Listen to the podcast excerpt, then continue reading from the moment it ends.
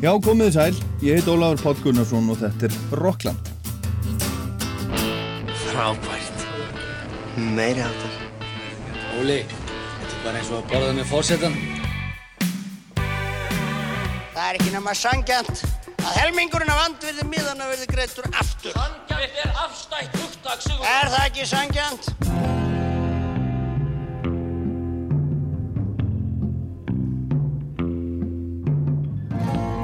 Gestur Rocklands í dag er Ólafur Arnalds sem er orðin stórt nafn í húnum alþjóðlega tónlistarheimi með sinni einstöku músík, hann hefur unni til fjölda veluna víða og núna í ár var hann til dæmis tilnæmdur til eh, Grammy veluna fyrir tvö lög af nýjastu blöðunum sinni Some Kind of Peace og hann er loksins að fara að fylgja henni eftir núna með tónleikaferðarlegi og ætlar að fara, fara við en platan kom út 2000 20.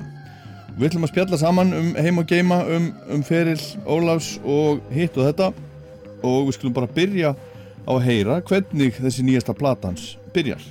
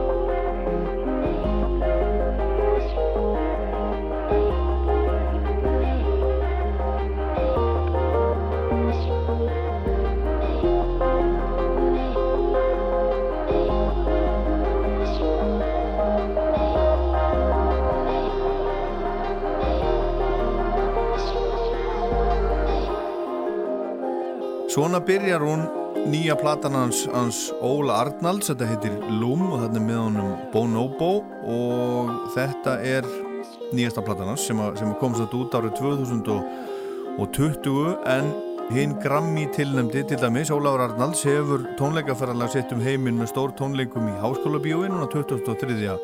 mæ sem er mánudagskvöld og það er eiginlega uppselt eins og það var að vera og tónleikarnir hann er að fylgja eftir útgáðu þessarar plödu sem að heitir Some Kind of Peace og þetta verður í fyrsta skipti sem lög af þeirri plödu verða flutt ofinbelja. Það eru uh, þrjú ár liðin síðan Ólafur kom síðast fram á tónleikum á Íslandi og þessi tónleikar í Háskóla Bíófi marka upphafið af langri tónleikaröð, stórum túr og eru þeir fyrstu af uh, um 50 og hann ætlar að vera í bara mörgum og stærstu og flottustu tónleikahúsum heim í Norður Ameríku og Evrópu verður sem sagt í Walt Disney Concert Hall í Los Angeles til dæmis, Hammersmith Apollo í London og Tempodrome í Berlin og svo verður líka í Elbphilharmoni í Hamburg, ekki satt? Jú, Elbphilharmoni Þetta er, er, er allt saman glæsli hús og, og verður velkomin til Rocklands Er þetta ekki fyrsta sinn sem ég kem í Rockland? Nei, ekki? Nei, við tölum saman, þú,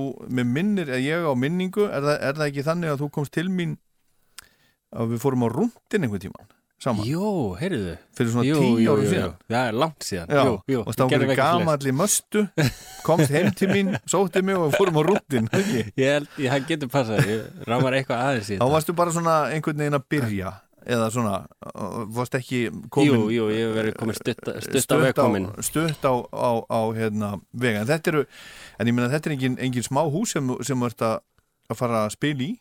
Já, þetta eru bara flottustu hú, hús Európu spennandi sko. uh, Já, við tókum svipaðan rúndana fyrir þreymur árum. Uh, sem við spilaði elfurlarmunni hana a- áður uh, til dæmis. Uh, mjög uh, dýrt og mikið hús. Já, já.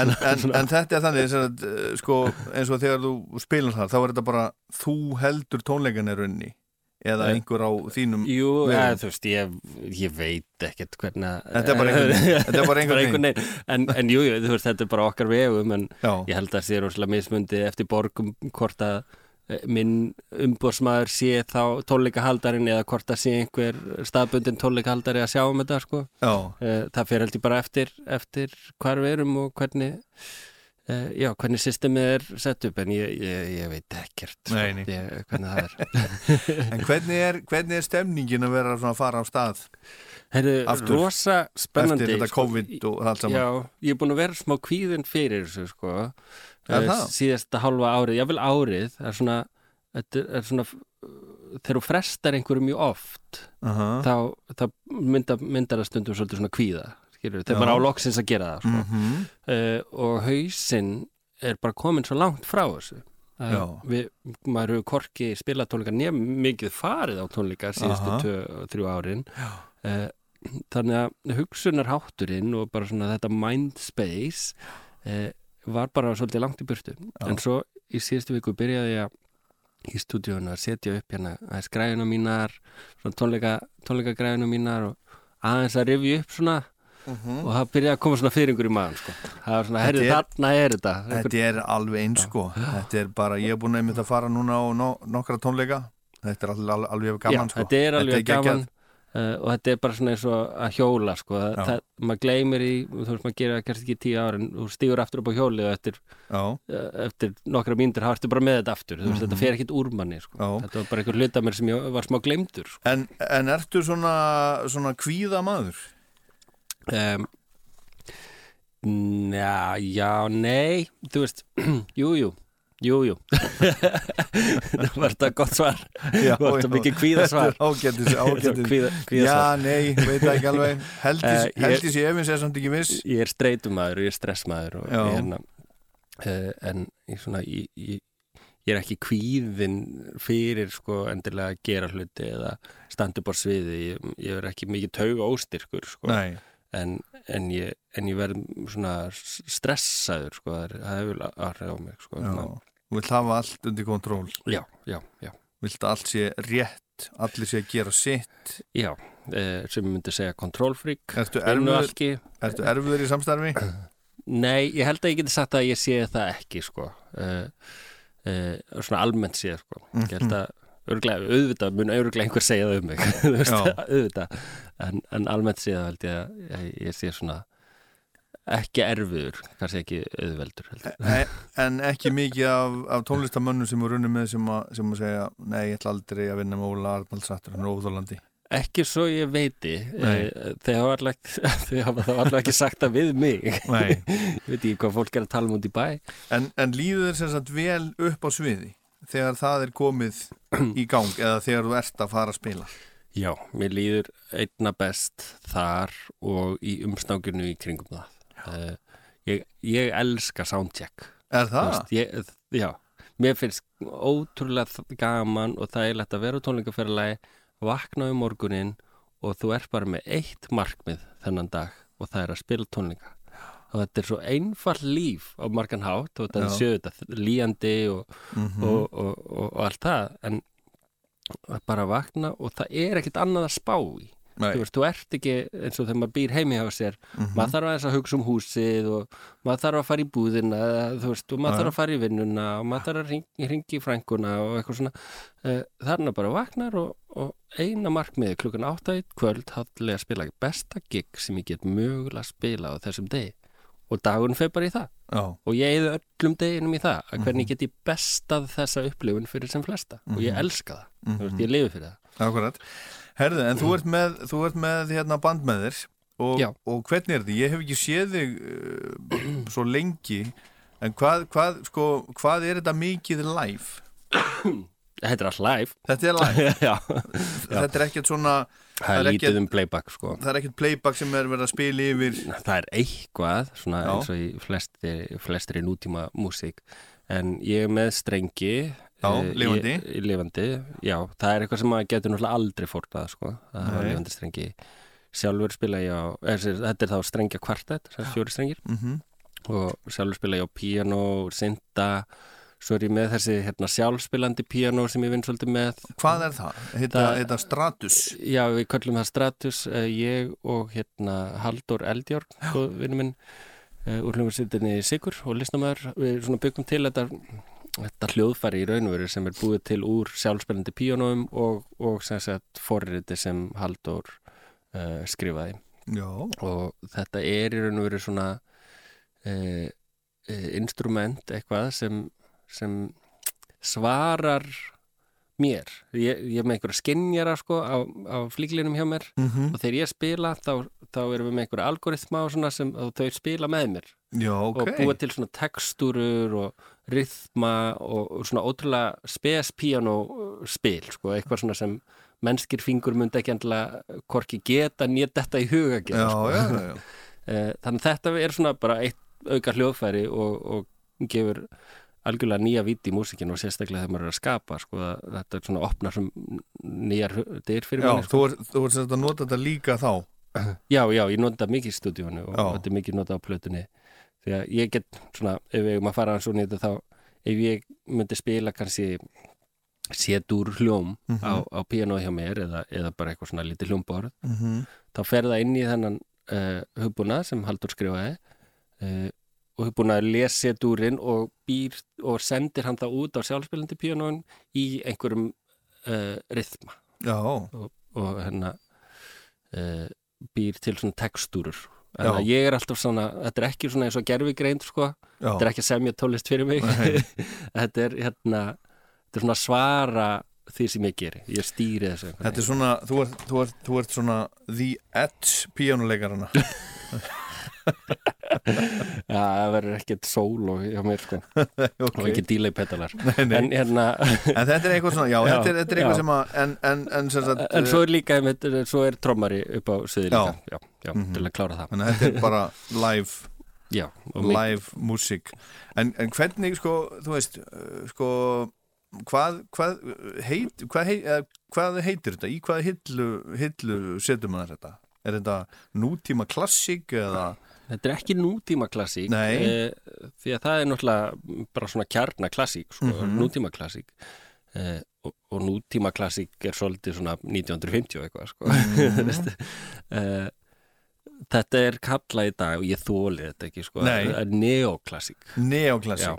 Mér finnst allt sem byrjar á neo vera mjög hallarinslegt Þannig Ok. ég, ég, ég skrif ekki upp á þetta En hvað kallar þú þetta? En, Eh, e, e, e, e, sko, ég hef músík. aldrei hitt tónlistamann sem að, vil, sem að sætti sig við skilgreininguna Nei, sem að er sett um hann eða Já, hljómsveitina þannig ég, hef hætt að, ég, ég er hættur að kvarta yfir þessu sko. Nei, já, uh, Ég var alltaf eitthvað svona að reyna að berjast gegn þessu sko.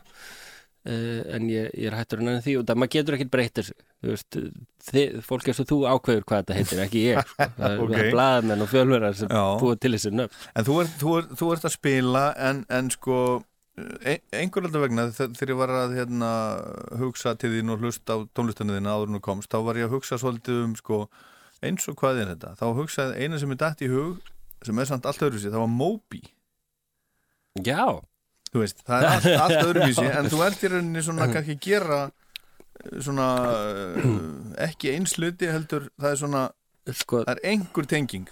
Það sem ég nota til að skilgreina þessa senu, þessa hreyfingu sem við myndast upp úr þessu mm -hmm. er að þetta eru tónskáld í rauninni sem eru líka flytjendur. Já, og ok. það er það sem er mjög öðruvísi heldur en klassísk tónlist. Mhm. það er ertu með tónskáld og svo ertu með flytjend og það er ekki Já, endilega samtengt. Sinfoni Hljóset Ísland spilar Mhm. verk eftir Huga Guðmundsson. Önnu Þorvaldsdóttir. Mm Anna Þorvaldsdóttir mætir ekki upp á svið og spilar músíkina sína og, og er kannski ekki með hennar búin að hanna hérna ljósasjóði við hana Nei. eða eitthvað svo leið En þú gerir það? uh, Já, er svona, þetta er kannski meira skilt þá popartistunum að því leiti að, að við erum að semja og, og erum svona recording artist mm Mhm. við gerum plötuna okkar og nafni okkar er á Eins konar singer-songwriter Já, þetta er svona meira skilt því en Já. við erum að nota klassísku hljóðfærin sko. Gott, nóg um það Þetta er svolítið þar já. Við skulum heyra hérna af nýju plötunni Woven Song hver, eh, hver er að söngla þarna í þessu? Þetta er hérna uh, hún heitir Herlinda og hún er frá Peru og hún er svona sjaman Já, Eh, þetta er svolítið svona já. eh, eitthvað galdra, eða töfra Já, hún er þarna að hún er þarna að, að byggja hérna e, þú veist hennar Guð eða hennar andana að vaka yfir okkur þarna í gegnum erfiða lífsreynslu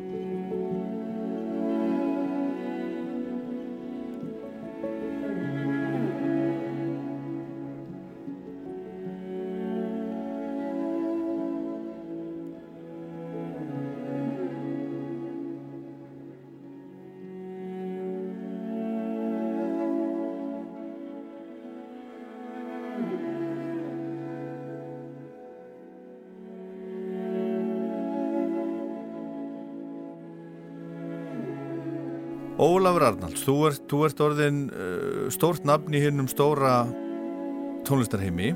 Hvernig, hvernig gerðist það? Svona ef að, að frængaðin myndi hitta því fer, fermingavislu og segja við því, Óli minn hvað hérna, þú varst, þú varst hérna trommuleikar í þungararkljónsett sem heit Fighting Shit er það ekki? Og svo kom, kom þetta öll þessi fallega músík. Hvernig gerðist, hver, hvernig gerðist þetta svona í fljótubræði uh, er náttúrulega bara tíminn uh, tíminn gerir ímislegt uh, Ég var svo sem alltaf að spila á píanó frá því ég var krakki ég var alltaf að semja eitthvað. Og maður dettur náttúrulega bara inn í einhver svona einhver för, þú veist. Svo að maður, maður er á snjósleganum niður brekkuna maður dettur bara inn í eitthvað far sem einhver annar er búin að fara í sko. uh, og maður stýrir ekki endla hvort maður ætli upp úr því eða ekki en ég var í þessum pönglúrstum en svo svo er bara einhvern veginn tókað í mig ég er, ég er að semja þessi píano og strengja verk og, og það var einmitt í gegnum tengingu í, í punkheiminum sem, sem hérna mér var búinn úrgáðsannningur fyrir það efni sko.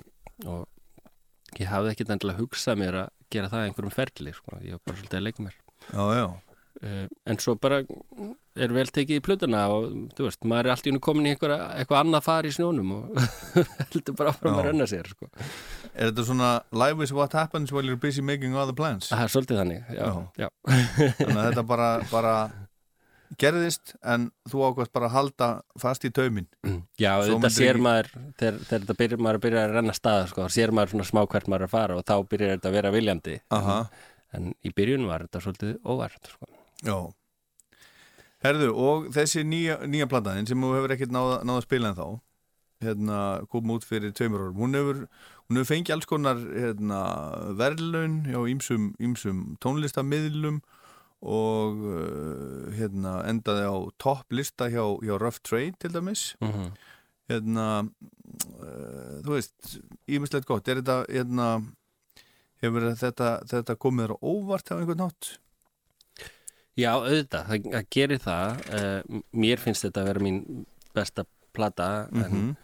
uh, það, er, það er svolítið skrítið sko í þessu, þessu árferði sem er búið að vera að maður gerir plötu og sendir henn út í heiminn og fær að fylgja henni eftir sko. Þannig að hún gleymi svolítið fyrir mér sko. ég, svona, ég er búin með hana fólk er kannski að hlusta á hana en mín vinna er einhvern veginn búin Já. ef ég fæ ekki að fara upp á svið og spila hana sko. þannig að ég er bara komin í ykkur annu verkefni sko. Aha, Þannig að þá sérstaklega einhvern veginn í því ástandi þá kemur rosalega óvart allt í hennu uh, hún fekk hann einhverja tvær grammitillemningar allt í hennu og, þá hugsa maður svona ha, þetta, ég var búin að gleyma þessu eða veist, þetta er svo ótrúlega surrealist sko, að, að maður hvernig músikinn fer einhvern veginn og hún er ennþá lifandi einhver starf annar staðar sko, þótt að ég sé ekki að fylgja henni eftir. Sko. mhm. Þannig að auðvitað, þetta kemur allt allt mjög óvart sko. Þú, þú sagt að þessi plata sé, sé einhverju leiti um, um ástina. Já, segðu, segðu frá. Erum við komin þangað? Um, hún er kannski að miklu leiti kannski frekar hann að segja hún sé um ástina þá myndi ég segja að hún sé um uh, að, að búa til space fyrir ástina sko. að, finna, finna rýmiðin í sjálfum sér sko, andlega einhvern veginn til þess að vera vera laus til þess að taka á móti einhverju sko, sem maður var kannski blindur fyrir áður, gæti ekki séð sko. uh, en vissulega endaði hún uh, fyrir mitt persónulega leiti og auðvitað má það bara vera hvernig sem er fyrir hvern sem er að hlusta en fyrir mitt persónulega leiti þá heyri ég rosa mikið af, af uh, minni kærstu inn í þessari plötu sko. Þú heyrir mér þess að röddina hennar í, í nokkrum lögum sko. ég er svona laumaðinni svolítið inn hér og þar Já, já, sem einhverjum teksturum og, og þú heyrir hana uh, ég notaði svona upptöku af símanum mínum að okkur vera að spjalla eitthvað svona einhver staðar og svona þannig að auðvitað er það svona rauður þráður en uh, fyrir mér snýrst þetta kannski frekur um einhvern veginn að uh, sjálfsvinnuna sem fer uh, sem maður fer í sko uh, áður en maður er tilbúin í eitthvað svoleiðis Já ok Er þetta nóg um ástina? já, já, já, já. En þú, þú er sem sagt þú, já, þú, þú átt sem sagt uh, konu eða Já. kærustu eða? Já, eitthvað þar mitt á milli? mitt á milli. Áttu börn? Nei, Nei, nei, nei, nei. En hún, hún heitir Sandra Jati eh, og við kynntumst út á Bali þar sem hún er upp alinn já, já, en, en býr eh, með mér hér í Reykjavík núna. Já, eh, líka tónlistakona, sönguna já en þú ert, þú, ert, þú, þú ert búin að vera með annan fótinn á Bali? Já, ég hef verið þar síðan uh, já, í alveg nokkur ár sko. Já. 2015, 16 byrjaði áttu þar höll? Uh, ég kallaði það nú bara hús sko. Já, Nei þar er ég með litla svona artist uh, residencju eða reyndi ég að vera með en svo kom COVID og kom ekki artistar já, að ég, já, ég setti það bara í einhverju leigu. En ég sérst uh, já, bjóð mig til svona smá uh, atkvarf til þess að skapa Já. og til þess að uh, opna dyrnar fyrir aðra að koma að skapa inn í umhverfi mhm, sem getur oft verið mjög mikilvægt sérstaklega fyrir okkur á Íslandi uh, yfir dimmustu vetramánu þá slokna stundum á sko. sumum finnst það frábært veist, janúar, februar, bestu mánunin til að skapa Já, já. en, en náttúrulega maður getur ekkert skapað ef manni líður bara illa. Nei, uh, og það getur verið gott að komast í annað umhverfi og, og Mhm. líka bara sjá annan menningar heim og, og já. hérna. Er þú, eh, sko, eh, hendar, hendar svona gott viður og sól þér betur til þess að skapa heldur en, heldur en frosthörkur og, og, og vindstringir? Ég veit ekki hvort ég myndi segja annað væri betra, ég held að maður bara þurfi tilbreyningu uh, til þess að skapa. Mm Þau voru búin að vera of lengi á sama staðinum.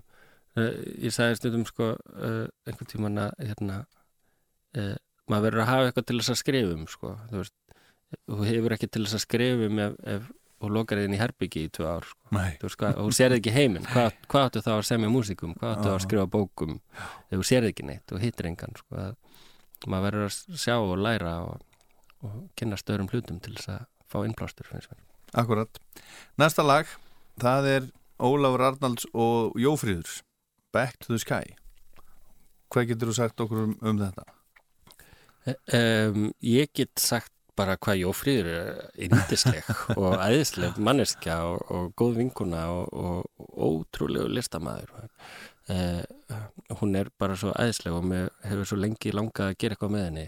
Og um, uh, þegar ég var að gera plötuna þá átti ég þetta lag svona þetta beat einhvern veginn sem ég var búin að gera og ákvaða bara að senda það á hana og ég held að það bara verið það var ekki einu svona degi setna sem hún sendið mér bara, það kom eitthvað svona strax mm Mhm. veist, og það er, það er bestu bestu lögin, þegar eitthvað gerist bara strax sko. hún sendið mér tilbaka einhverja einhver söng, svona einhverja sönglínur og svona sem hún var að prófa yfir þetta og einhverjum allt bara fullkomið það var bara ótrúlega yndislegt Þannig að hún var ekki með þér Ég var, hún- ég var úti á Bali og hún var hér.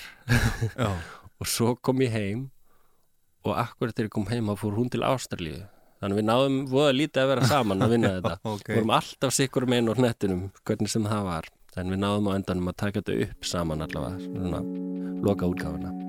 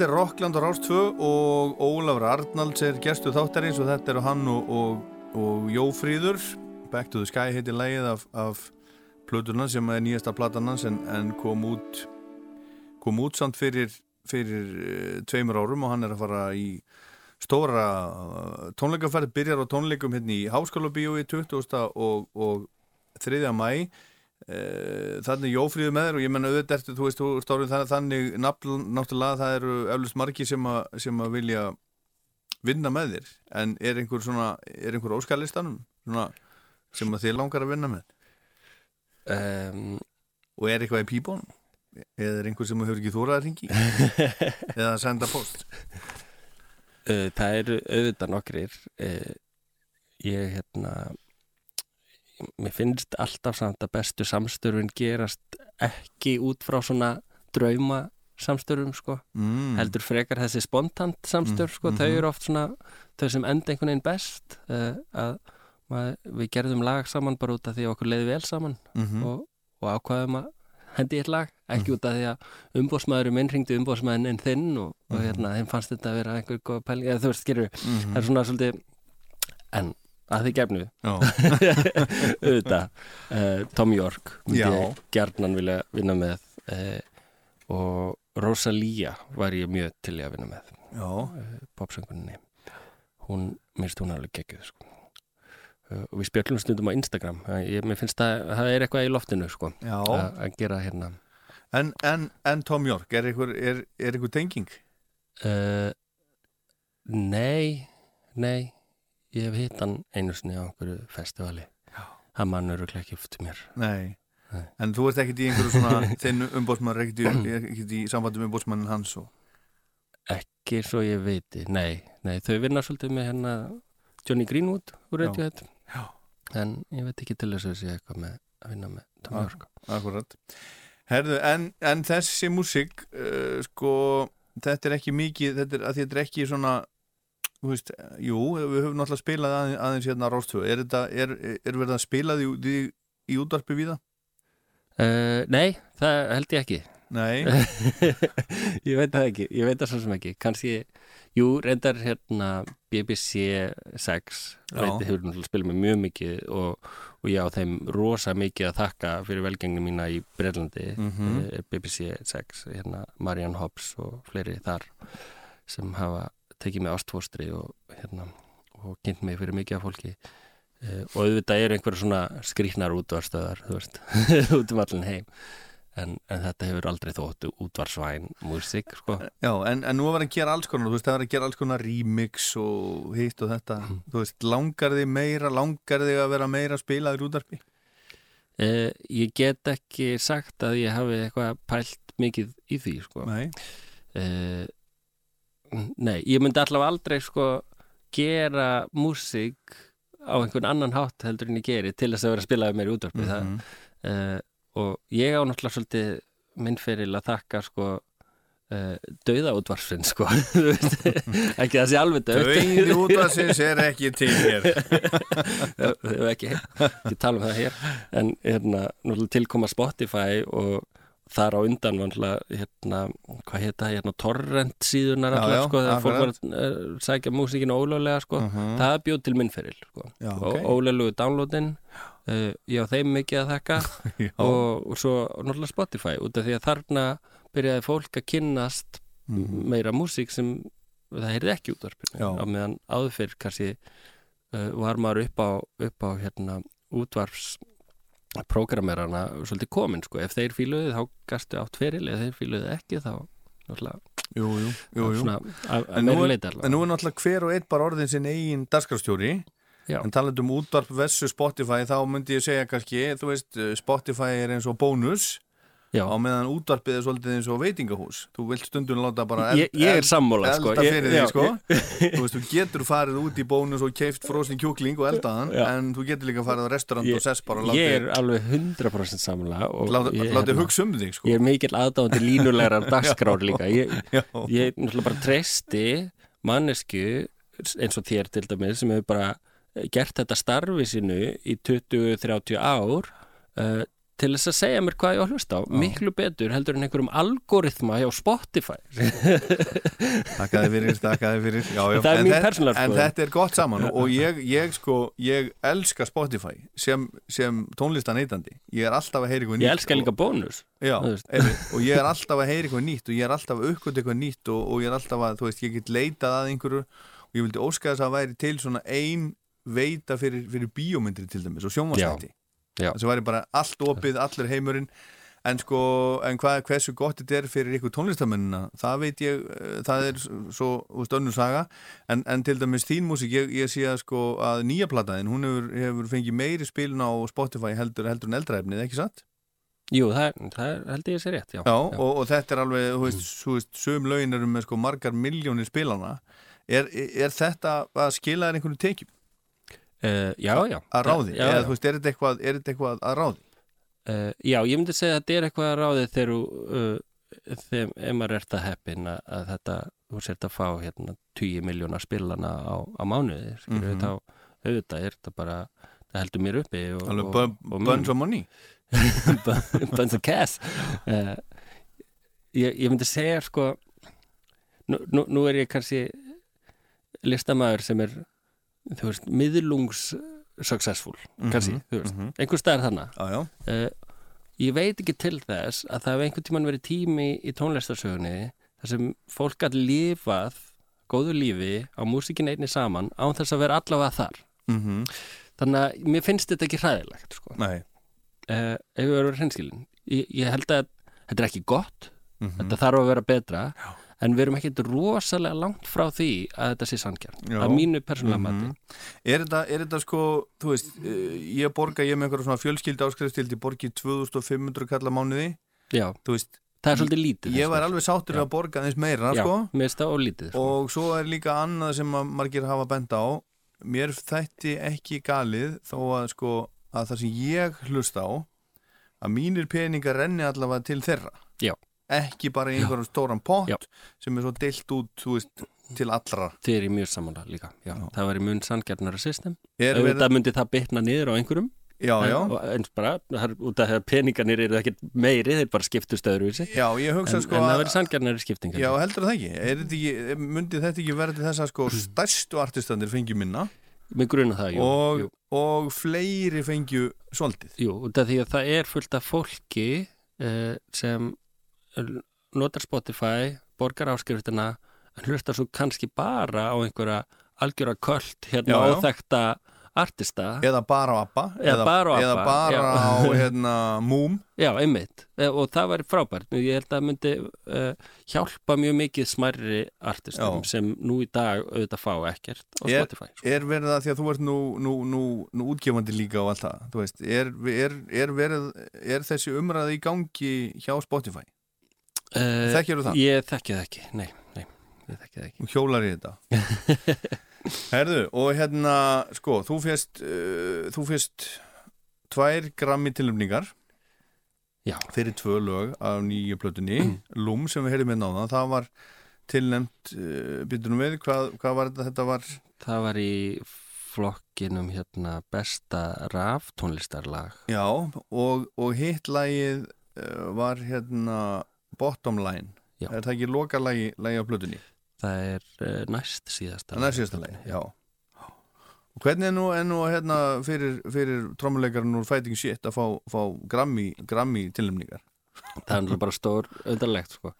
uh, þau mætir þannig eitthvað út þú fórst, Já, ég fór, hérna, þetta var í Vegas í ár Já. í fyrsta sinn, sko farið þetta eh, út af einhverju COVID-frestunum og svo leiðis já já. Þannig að ég og, og, og kærista mín og tveir úr mínu hérna, teimi fórum, fórum í ferð til Vegas. Já, já, ég sá myndir, ég sá myndir af ykkur. Já, var nú rosa fín hana uh, En þetta var náttúrulega bara bara eitthvað svona ekstra surrealist út að þetta var í Vegas, sko. Já, já, veist, þú varst á Grammy en þú varst líka í kasínói Já. einhvern veginn á sama tíma sko. Uh, sem var mjög skrítið en, en auðvitað uh, ég, eins og ég sagði í einhverju viðtölum þannig úti sko, ég er bara einhver dút úr Moselsbæ skilur, og allt einu maður er komin það er, ef maður leifir sér að hugsa um þetta svo leiðis þá er það rosalega skrítið. Mhm. en ég sannleika sagt þá hugsa ég ekki um það Nei, nei, ég En- skálaði í kampaðinni þegar ég fekk tilvinninguna og svo bara heldur maður áfram að vinna já, já, já, já.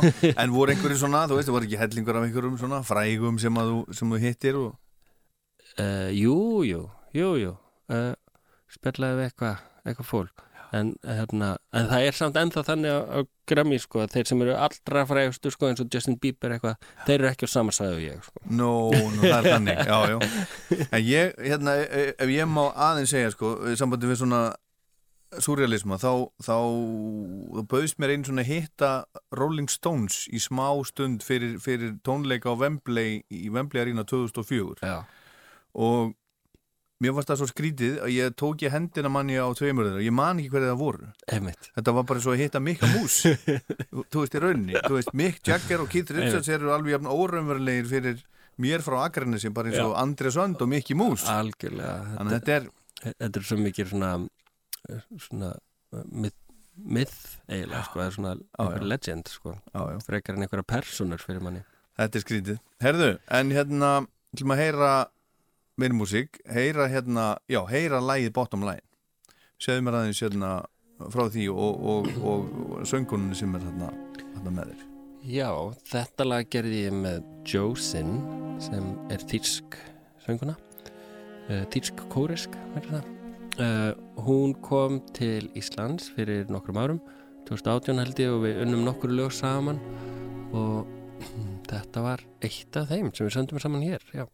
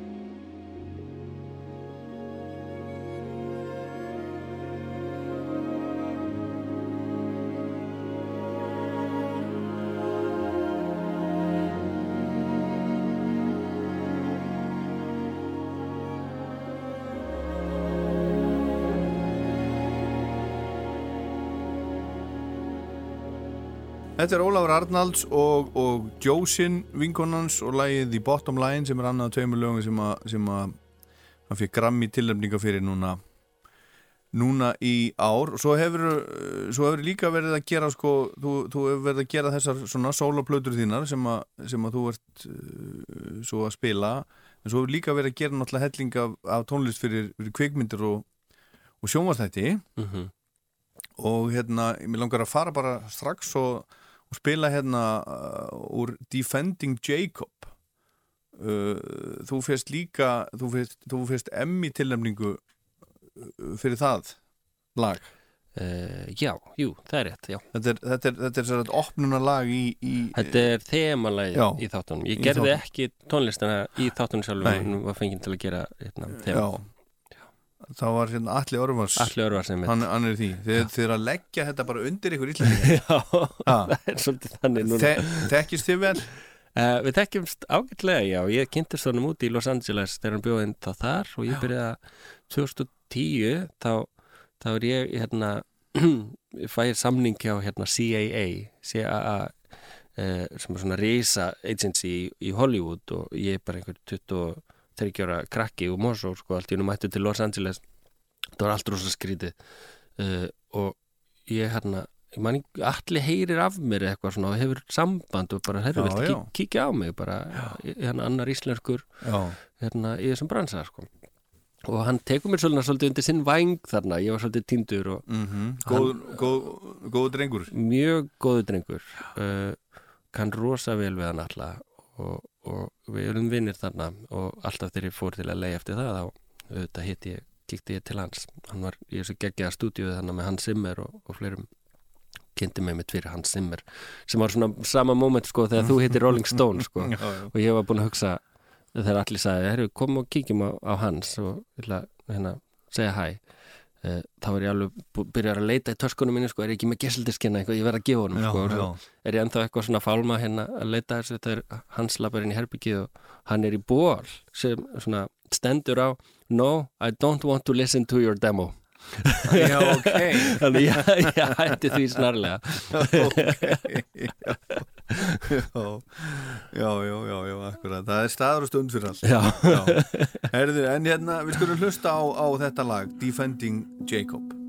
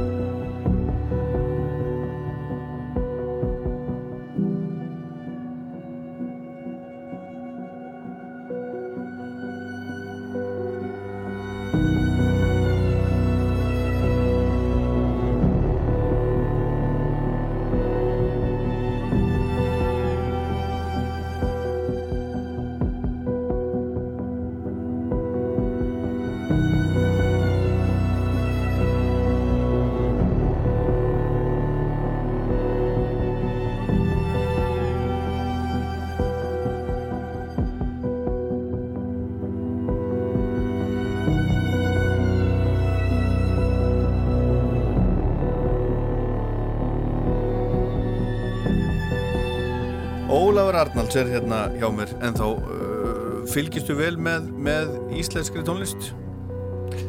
Já, ágætlega Já, Mhm. já uh, og þú veist uh, ferðu út að lappa og hlusta á Spotify eitthvað nýtt eða, eða hlustar á vínil heima eða Ég er- hvernig gerur þetta? Ég hlusta meira á vínil heima uh, það er einhvern veginn þannig sérstaklega það búið að vera mikið að gera hjá mér undanfæri og var að vinna í sjónarserju og það tekur tók mig hérna einhverja nýju mánuði. Já, og þá er maður bara einhvern veginn allan daginn að semja og semja og þá er ég ekki að setja Spotify að eirun á meðan ég labba heim. Þú veist, þá er ég bara þögn. Það er bara aðeins kvíld en hins vegar þegar ég þá hlusta á tónlist þá ég, vil ég bara setjast og, og fyrir framann vínilspilarun og, og gera það einhver meiri atum mhm. þá, þegar þú ert að vinna í tónlist allan daginn þá vilt ekki líka vera með tónlist í bakgrunnum alltaf, þú veist það er einhvern veginn, heilin þarf bara plástund, Já, sko, ef maður ætlar að halda áfram að vera kreatífur uh, þannig að en, en svona þegar það er minna að gera já, þá er ég alltaf að leita á Spotify og, og leita Mhm. einhverju nýju og svona, já Við höldum áfram hérna í Rokklandi með Ólafi Arnalds rétt og eftir.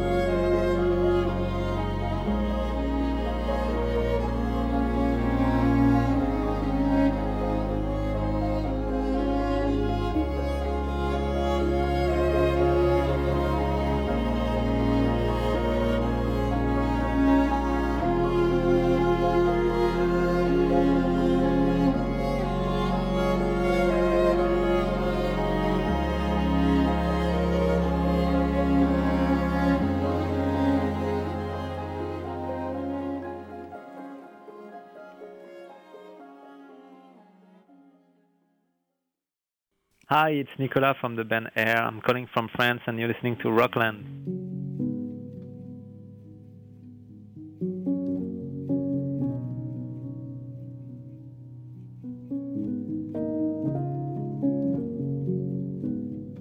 Já, þetta er Rockland á Rástfö og ég heit Ólafur Páll og gestur minn er Ólafur Arnalds.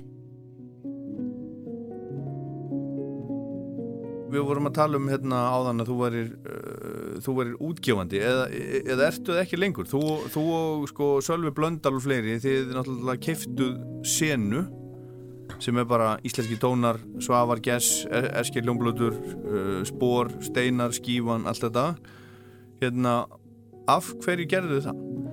Um, já, ég var með þessum hópi uh, stopnenda, Öldu Music sem kefti þá katalógin úr senu, sem sagt, kefti Mhm. svona músikréttindin úr senu um, það var gert uh, vegna þess að það þurfti að bæta umhverfi íslenskar tónlistar í hennum stafruna heimi, myndi ég segja að vera svona fyrsta ástæðan, þetta mikið af sérstaklega gömlu músikinni var ekki sjáanleg á Spotify og, og svona og þar leiðandi uh, voru þeir höfundar og þeir flytjendur ekki að fá miklar tekjur á músikinni þar sem gessildiska salan var nokkurnu einn hægt sko, það svona að þurfti að lifta þessu svolítið upp uh, uh, þetta var smá svona uh, einn maður út í horni sko hjá sinu svona að sjá með þetta allt sko. Um,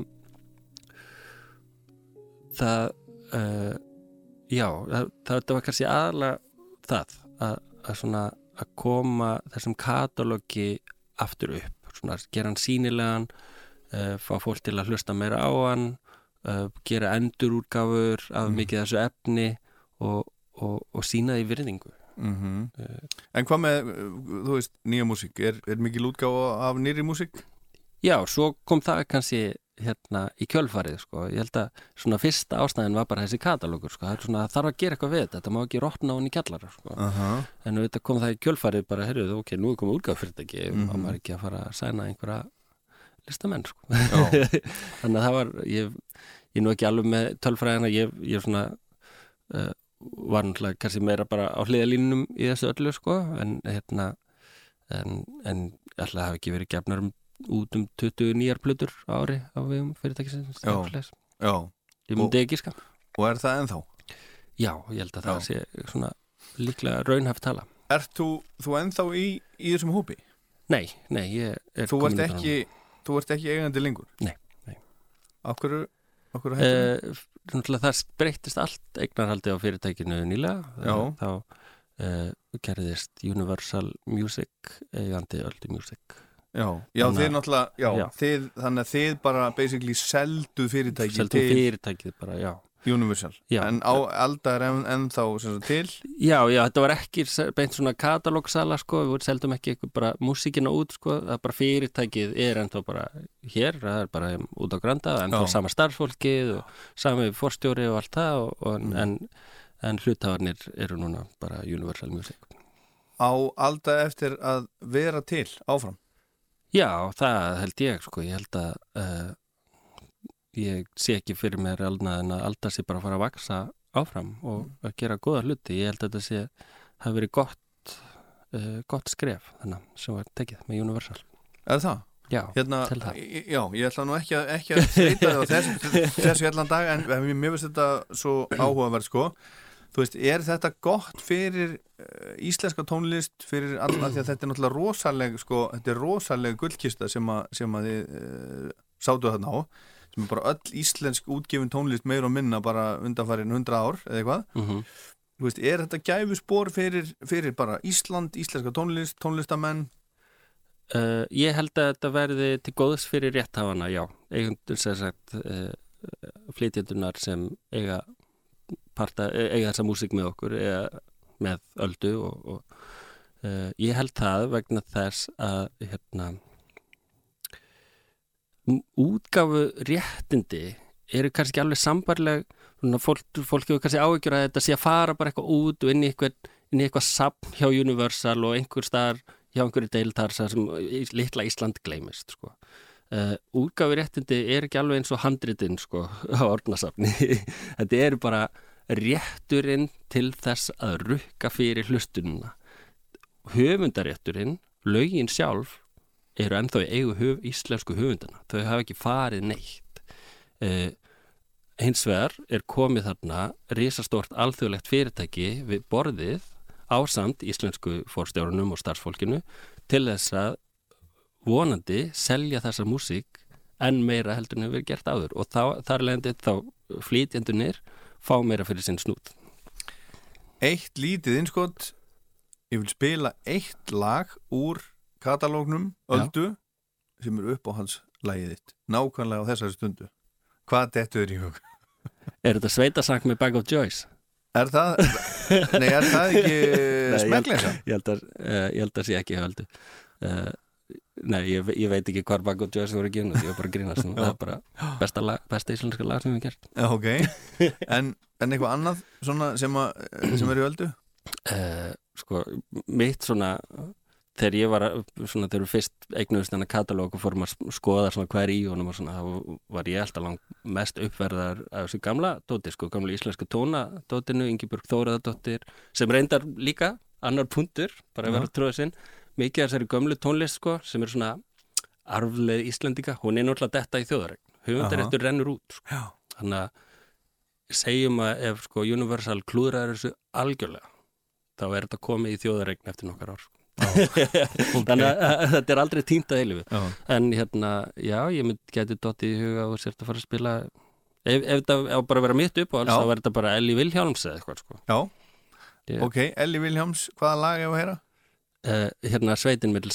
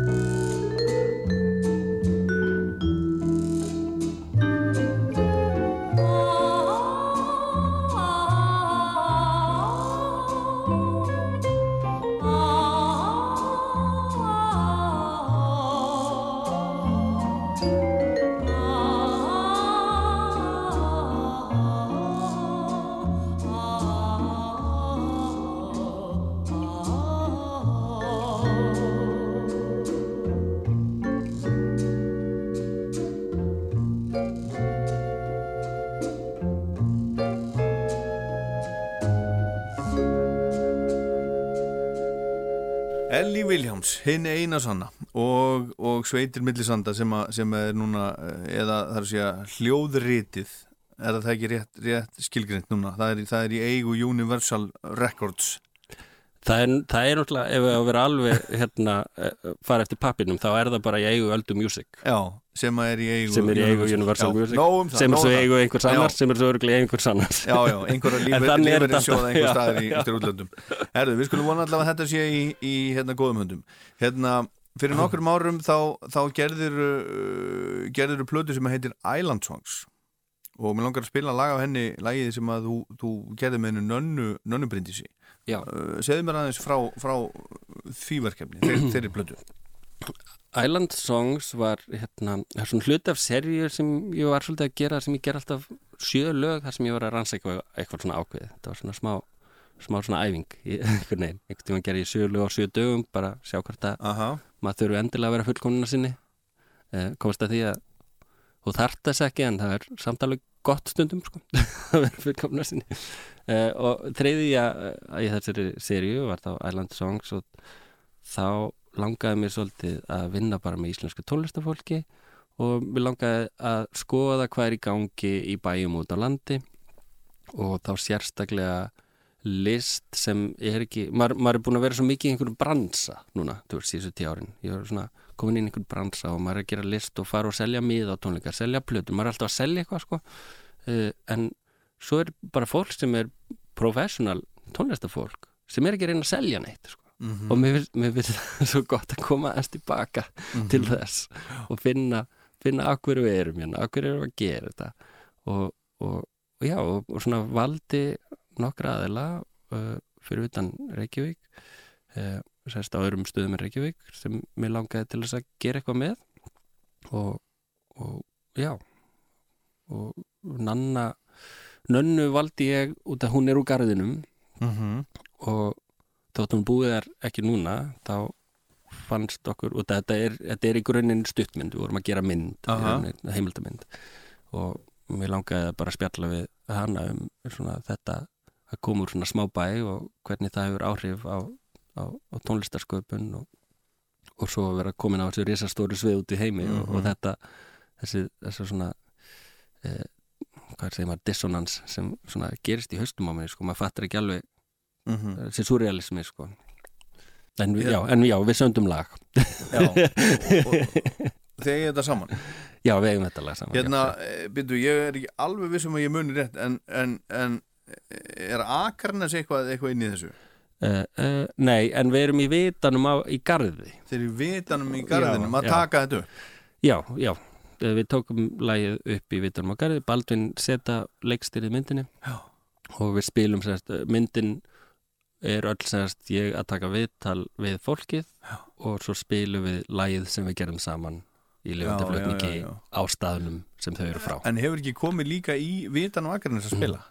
Ég hef aldrei komið á það, nei En hann uh, var notaður í einu tónlistarvídeói hjá mér Já, það var þannig Já. Já. Þú þarfst að koma og spila í vitanum Akarnes Herri, það hef ég heyrt það er alltaf einhver að segja að koma að spila í vitanum er, vakarins er það dýl? Eh, Já, já, ef ekki að láta Jú, það jú, gerast Jú, ég býðir í kaffi, ég skal Já. koma, koma með þér. Frábært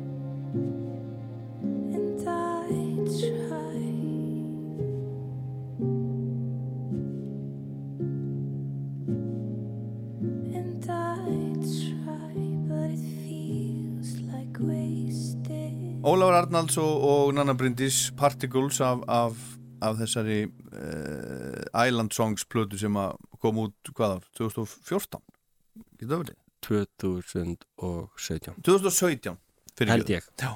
Herðu, en hérna uh, það eru tónleikar núna framöndan Þetta ætlaði að æfa í Háskóla Já, í þrjá daga, þegar ekki? Og svo, svo, svo er bara gig. Já, þrjá eða fyrir dag, já, eitthvað slæs Já, já, og hérna komin, komin fyrringur í ykkur og, og svona, en hvað er svo svo er þessi, þessi túr um Evrópu og þið farið til Bandaríkjana hvað ertu með plan langt fram, fram í tíman? um, Við erum með túrplan út árið og þá ætlum ég að stoppa. Já, þá er hvað? Þá uh, er ég búinn að vera að segja nei við öllu uh, út af því að mér langar að búi til smá plás Já, í lífinu til þess að finna út hvað maður gerir næst. Já Eh, maður aðeins, að, að anda. Já, ef maður fer í aðra plötu eða eitthvað svona sem kannski fer bara að vera tíminn til að fara að skoða. Uh, þó að ég hef aldrei spilað þessa plötu á tónleikum þá er hún samt orðin tveikjara gömul og kannski þryggjara gömul Mhm. lögin á henni sko. Já, já, uh, þannig að það er komin tími en ég þarf alltaf bara pláss til þess að byrja að spá í því uh, hvað hvað á að hérna, hvernig á maður að gera það sko. já. hvernig á maður að skapa plötu núna Þú, Um hérna, það er ekki nóg þú hugsar þetta ekkert bara á túrnum Jú, það gerist ofta ég svona byrji að út að þá loksins fær maður einmitt smá frið sko uh, og ég hef svolítið verið að svona sem ég hugmyndur svona í, í soundcheck og svona, svona þegar, þegar hljómaðurinn byrði mig maður eins að mhm, spila á píanóði fyrir sig mhm. þá er maður svona aðeins að leika sér og engin pressa sko. En hvernig semur yfirleitt? Ég meina, eh, þú veist, semur þannig eða, eða þú veist, vaknar á mótnana og sest og ferð að vinna eða er þetta eitthvað sem kemur til þín og þú hendir öllu frá þér? um, hugmyndirnar kannski er að koma svona allstaðar að hvort sem að sé heima á tónleikaferðalagi eða á einhver, einhverju ferðalagi eða bara upp í stúdíó uh, ég sapna yfirleitt hug, svona hugmyndum bara á síma minn sko, Já. Oft er þetta bara einhver konsept bara tala inn í síma minn, bara prófa að gera lag sem byrjar svona eða einhver svona pælingar sko. Eh, Hvaða app notar þið þetta? bara voice memos. Ok, það er alveg nóg. Mhm, um, en ég get aldrei farin eitt lengra með hugmyndina fyrir en ég er sestur í stúdíu með já. kaffibólla minn. Ég er svona, svona svolítið háður því umhverfi einhvern veginn að að fara að pródúsera lagið sko, þarf ég einhvern veginn hljóðfæri mín og já, og þú átt stúdíó? Já, ég er með stúdíu hann nýr á Granda. Já, og er það sko, ertu eitt þar eða ertu að leiða þetta út eða? Já, ég er bara einn með mitt stúdíu, já, já. Og, og leiða ekki út. þinn hellir enginn fær að koma inn nema hún sér sérstaklega bóðir Uh, já, fólk er nú eh, velkomið sko. Uh, hérna, það er náttúrulega hérna, samfélag í sama húsi sem heitir Esja. og þar sem mikið að hljóðverum eru Já, þú ert þar Já, þess að stúdíum mitt er í sama húsi en ekki, Ekki- ekki hluti af því. af því beint, en auðvitað er, ég er hluti af því samfélagi og, Mhm. og ég var þar uppi sko með herbyggi í því samfélagi áður Já, Afsaka. um, og en, hérna, besta kaffi er hjá mér þannig að það, fólk bankar upp á mikið hvernig kaffi er það? Er það eitthvað sér vel? Bara fín vel og ég kann að gera eitthvað svona, þetta er svona eitthvað rútina hjá mér mér er skaman að gera kaffi og pæla eins í því svona. Mér finnst ekki þess verið að drekka kaffi nema þessi gott. Nei, Eh, þannig að já, já, fólk er alltaf velkomið og þetta er ekki með neskaffi nei, það e, fær ekki að stiga inn fyrir mín að dyr. Ok, ok. Eh, En, en hvað með sko, nú áttu, áttu sem kærustu sem er, er uh, frá Bali, það ekki? já, hún er, hún er hérna amerísk og filipísk Já, eh, fædd í Indonésiu já, við Balin á Bali, já, Já. svona en þið bú, búið á Íslandi a, og allir þið að vera á Íslandi? Um, okkar draumastaða er að vera uh, sitt á hvað á Íslandi og á Bali Mhm. fyrir henni er Bali kannski meira heima heldur en Ísland og uh, fyrir svona tropical manneski veturnir hérna ansi grimmir. Já, hún Eh, hefur, hefur orðað því sé Já, hún hefur haft orðað því já, já. þetta sé svona full mikið stundum. Henni finnst þetta erfitt bara. Já, ég minna okkur finnst þetta erfitt Já. hvern heldur en að einhver manneskjur sem elst upp í bara 30 stið hita og, og líka bara svo það er, það er dögt hérna, það er ekki einu svona skordýr Já. þú veist, ég man einhvern tíma fyrsta veturinn hérna þegar kom, var komið mars eða eitthvað slis, vet, veturinn var að fara að líðandi loka og hún sá hérna einhverja flugu hérna á baðbyggja okkur. Og hún var svo ánægð. Já. að bara þetta er fyrsta lífið sem ég hef séð í sjö mánu Já, við erum ekki kannski að hugsa þetta, við erum bara fegin með að fluga þetta er ekki? Ha. það er bara þannig að það er ekki bara sko kuldin, það er bara einhvern veginn sko það, þetta er bara eitthvað svo þetta er bara eitthvað svo dark hérna já. uh, en já, við erum bæði tónlistafólk og bæði mikið á tónleikaferðalum uh, þannig að Er hún sem að túra líka já, já, Sjálf? já, já. Já. þannig að uh, við bara verðum einhver starf Já. þú veist, það, svona smá nomad verður einhvern veginn Já. Herðu, Ólafur Arnalds, ég ætla, ætla að enda á að, á að spila Undone, það er lokalagið á plötunni. Já, það er lokalega og, og er eitthvað um það að segja? um, Já, hvað getur þú sagt um Já, það? þegar ég byrjaði á þessari plötu og var svona að hugsa mikið um, um hvað um hvað hún er hvað er ég að reyna að segja hérna? Mm og það er alltaf erfitt að segja eitthvað þegar þú ert að gera tónlist án texta uh, og maður þarf svolítið að pæla í hvernig maður talar þá til fólksins, hvernig maður kemur skilaböðum til skila. Og ég átti samræður við vinn minn og mjög inspirerandi samræður og að tala um svona bara alls konar, spiritual og filosófíu og, og hann segir hérna við mig að e- eina sem þú getur stjórnað í, í lífinu er hvernig þú sérst reaktar og getur ekki stjórna neinu nema bara þínum viðbröfum við því sem gerist. Mhm. og það endaði mér að uh, vera svona byrjunapunktur fyrir plötuna og, og, og hafði mikil áhrif á mig uh, að hætta að reyna að stjórna öllum aðstæðum sem ég er í og, og, breytti mér svolítið svona þessi pæling. Og svo kynist ég kæristunum minni og, uppáhalds tónlistakonan hennar heitir Lasa Tesela og við endum á tribute-gigi í London þar sem hérna fullt af merkum og mætum tólstafólki var, var að spila lögin hann Lasa, hún fér frá fyrir nokkrum árum. Og þar er spilaður þessi texti úr viðtali sem, sem hún er að kynna lag til sögunar hún segir þessa sögu segast sem mér fannst bara falla svo fullkomlega inn í þetta sem ég var að, að tala um. Og, og þetta grætti okkur bæði á staðnum og eins og við tölum aðeins um áðan þá er þessi plata eins, og við segja ekki um ástina en hún er all, um allt þetta sem leiðir að ástinni sem hleypur okkur að ástinni. Og, og mér fannst þetta svo viðigandi að, að fá að nota þetta brot af hérna, viðtali við, við lösu, lasa. Um, og á þessum tólingum voru, var bróðurinnar og ég þekkti tónlistafólki hann ég var bakt við þess og ég hitti hann og kynntist honum hann að ég hafði kontakt setna meir til þess að geta beðið um leiði sko, til að fá að nota þetta. En hún segir þarna sögu uh, sem faðirinnar hafði sagt henni um sagt, sagt, já þið heyrið það kannski bara en, en svona talar um sko að þegar við erum fóstur en þá í móðukviði að, og þá er það bara allur heimurinn sem við þekkjum sko. við þekkjum ekki neitt fyrir utan það og þegar allt í hennu við byrjum að fæðast þá hlýtur það kannski bara að vera döðin fyrir okkur, við veitum ekki hvað er að gera sko. Bara heimurinn er að farast hérna sko. þetta er heimurinn minn ég, og, en, en kannski þá einmitt í, í lífin okkar núna sko. Hva, hvað veitum við hvað er fyrir utan það sko. Skil.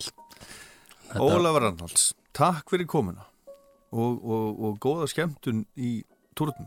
takk gerlega fyrir spjallið gaman As we get bigger and bigger, the distance between ourselves and that other outside world becomes smaller and smaller. And this world that we are inside, which seemed so huge in the beginning and so welcoming has become very uncomfortable. And we are obliged to be born. And my father says that birth is so chaotic and violent that he's sure that at the moment of birth, we're all thinking, this is it. This is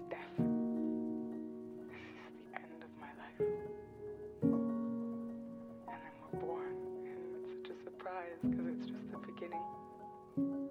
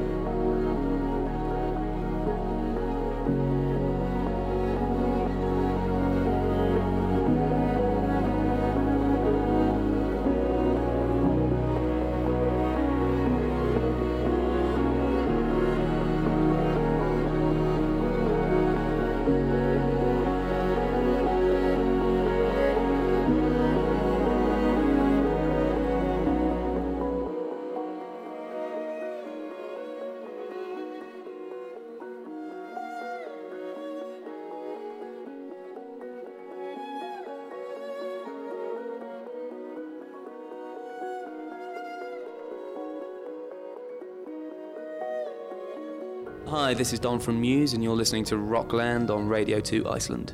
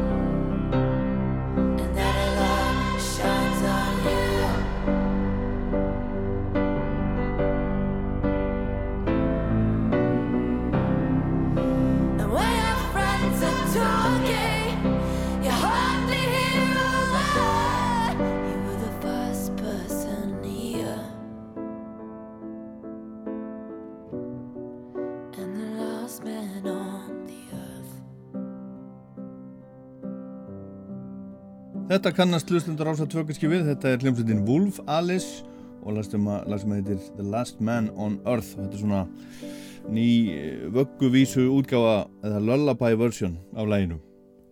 Og meiri músík, meiri ný músík, það er að koma út núna ný plata setna eða í næsta mánuði með bandarísku hljómsveitinni Wilco frá Chicago, 12. plata þeirra og hún á að heita Cruel Country og Skulum heyra hérna laga á þessari plödum sem að heitir Tired of Taking It Out On You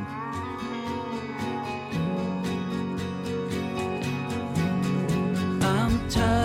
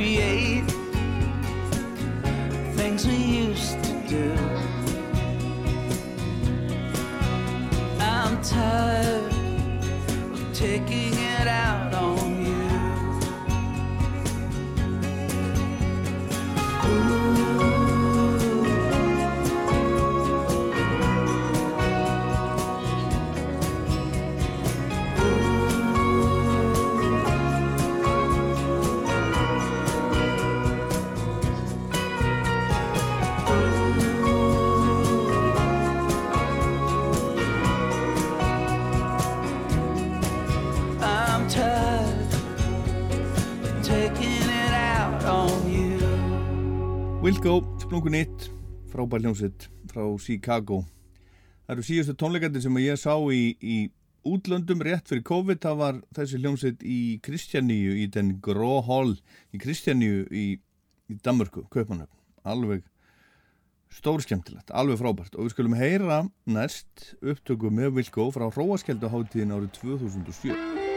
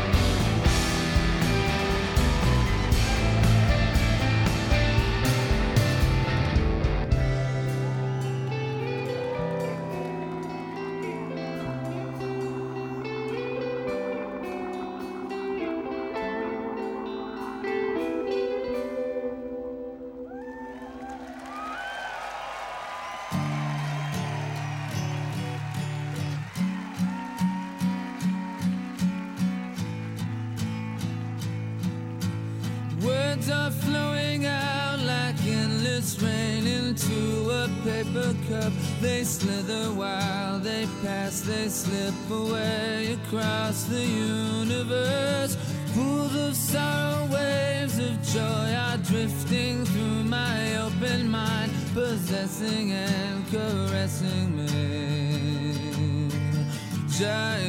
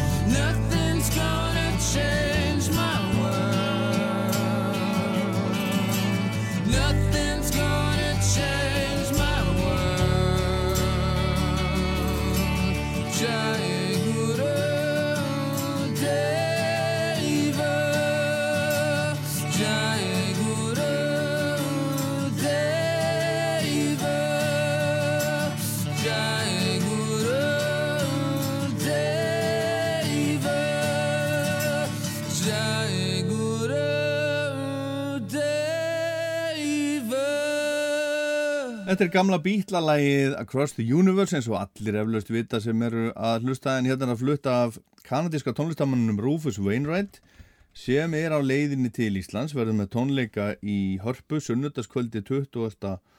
og 9.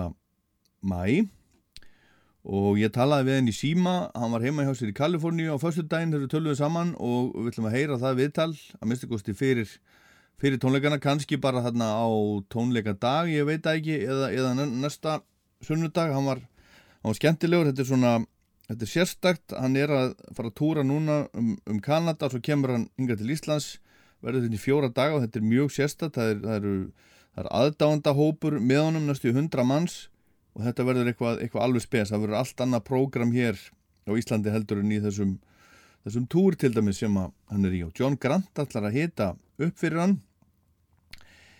En ég ætla að enda þáttin í dag á tónleika upptöku með Rúfusi á einu af hans þekktustu lögum. Þetta var þetta tónleikaplata sem hann tók upp eftir að síðasta plata kom út. Hún kom út 2020 og þessi plata, tónleikaplata kom út 2021 ég var með þessa tónleika alla í Rúfu nei í koncert hérna á fimmtudaginn síðasta þetta er Going to a Town. Ég minn á Rockland á, á webnum rú.is, Spotify hlaðvarp og Rockland mæli með. Lagalistarum á Spotify auðvitað sem að, sem að e, getur endalust bætt við sig fylgjendum. Þið, þið fylgji listan með því að smetla á hjartað. En þetta var sem sagt Rockland, ég er Dólar Páll. Takk fyrir að hlusta, hér er Rúfus Vönrætt I'm going to a town that has already been burnt down. I'm going to a place that has already been disgraced. I'm gonna see some folks who have already been let down. I'm so tired of America.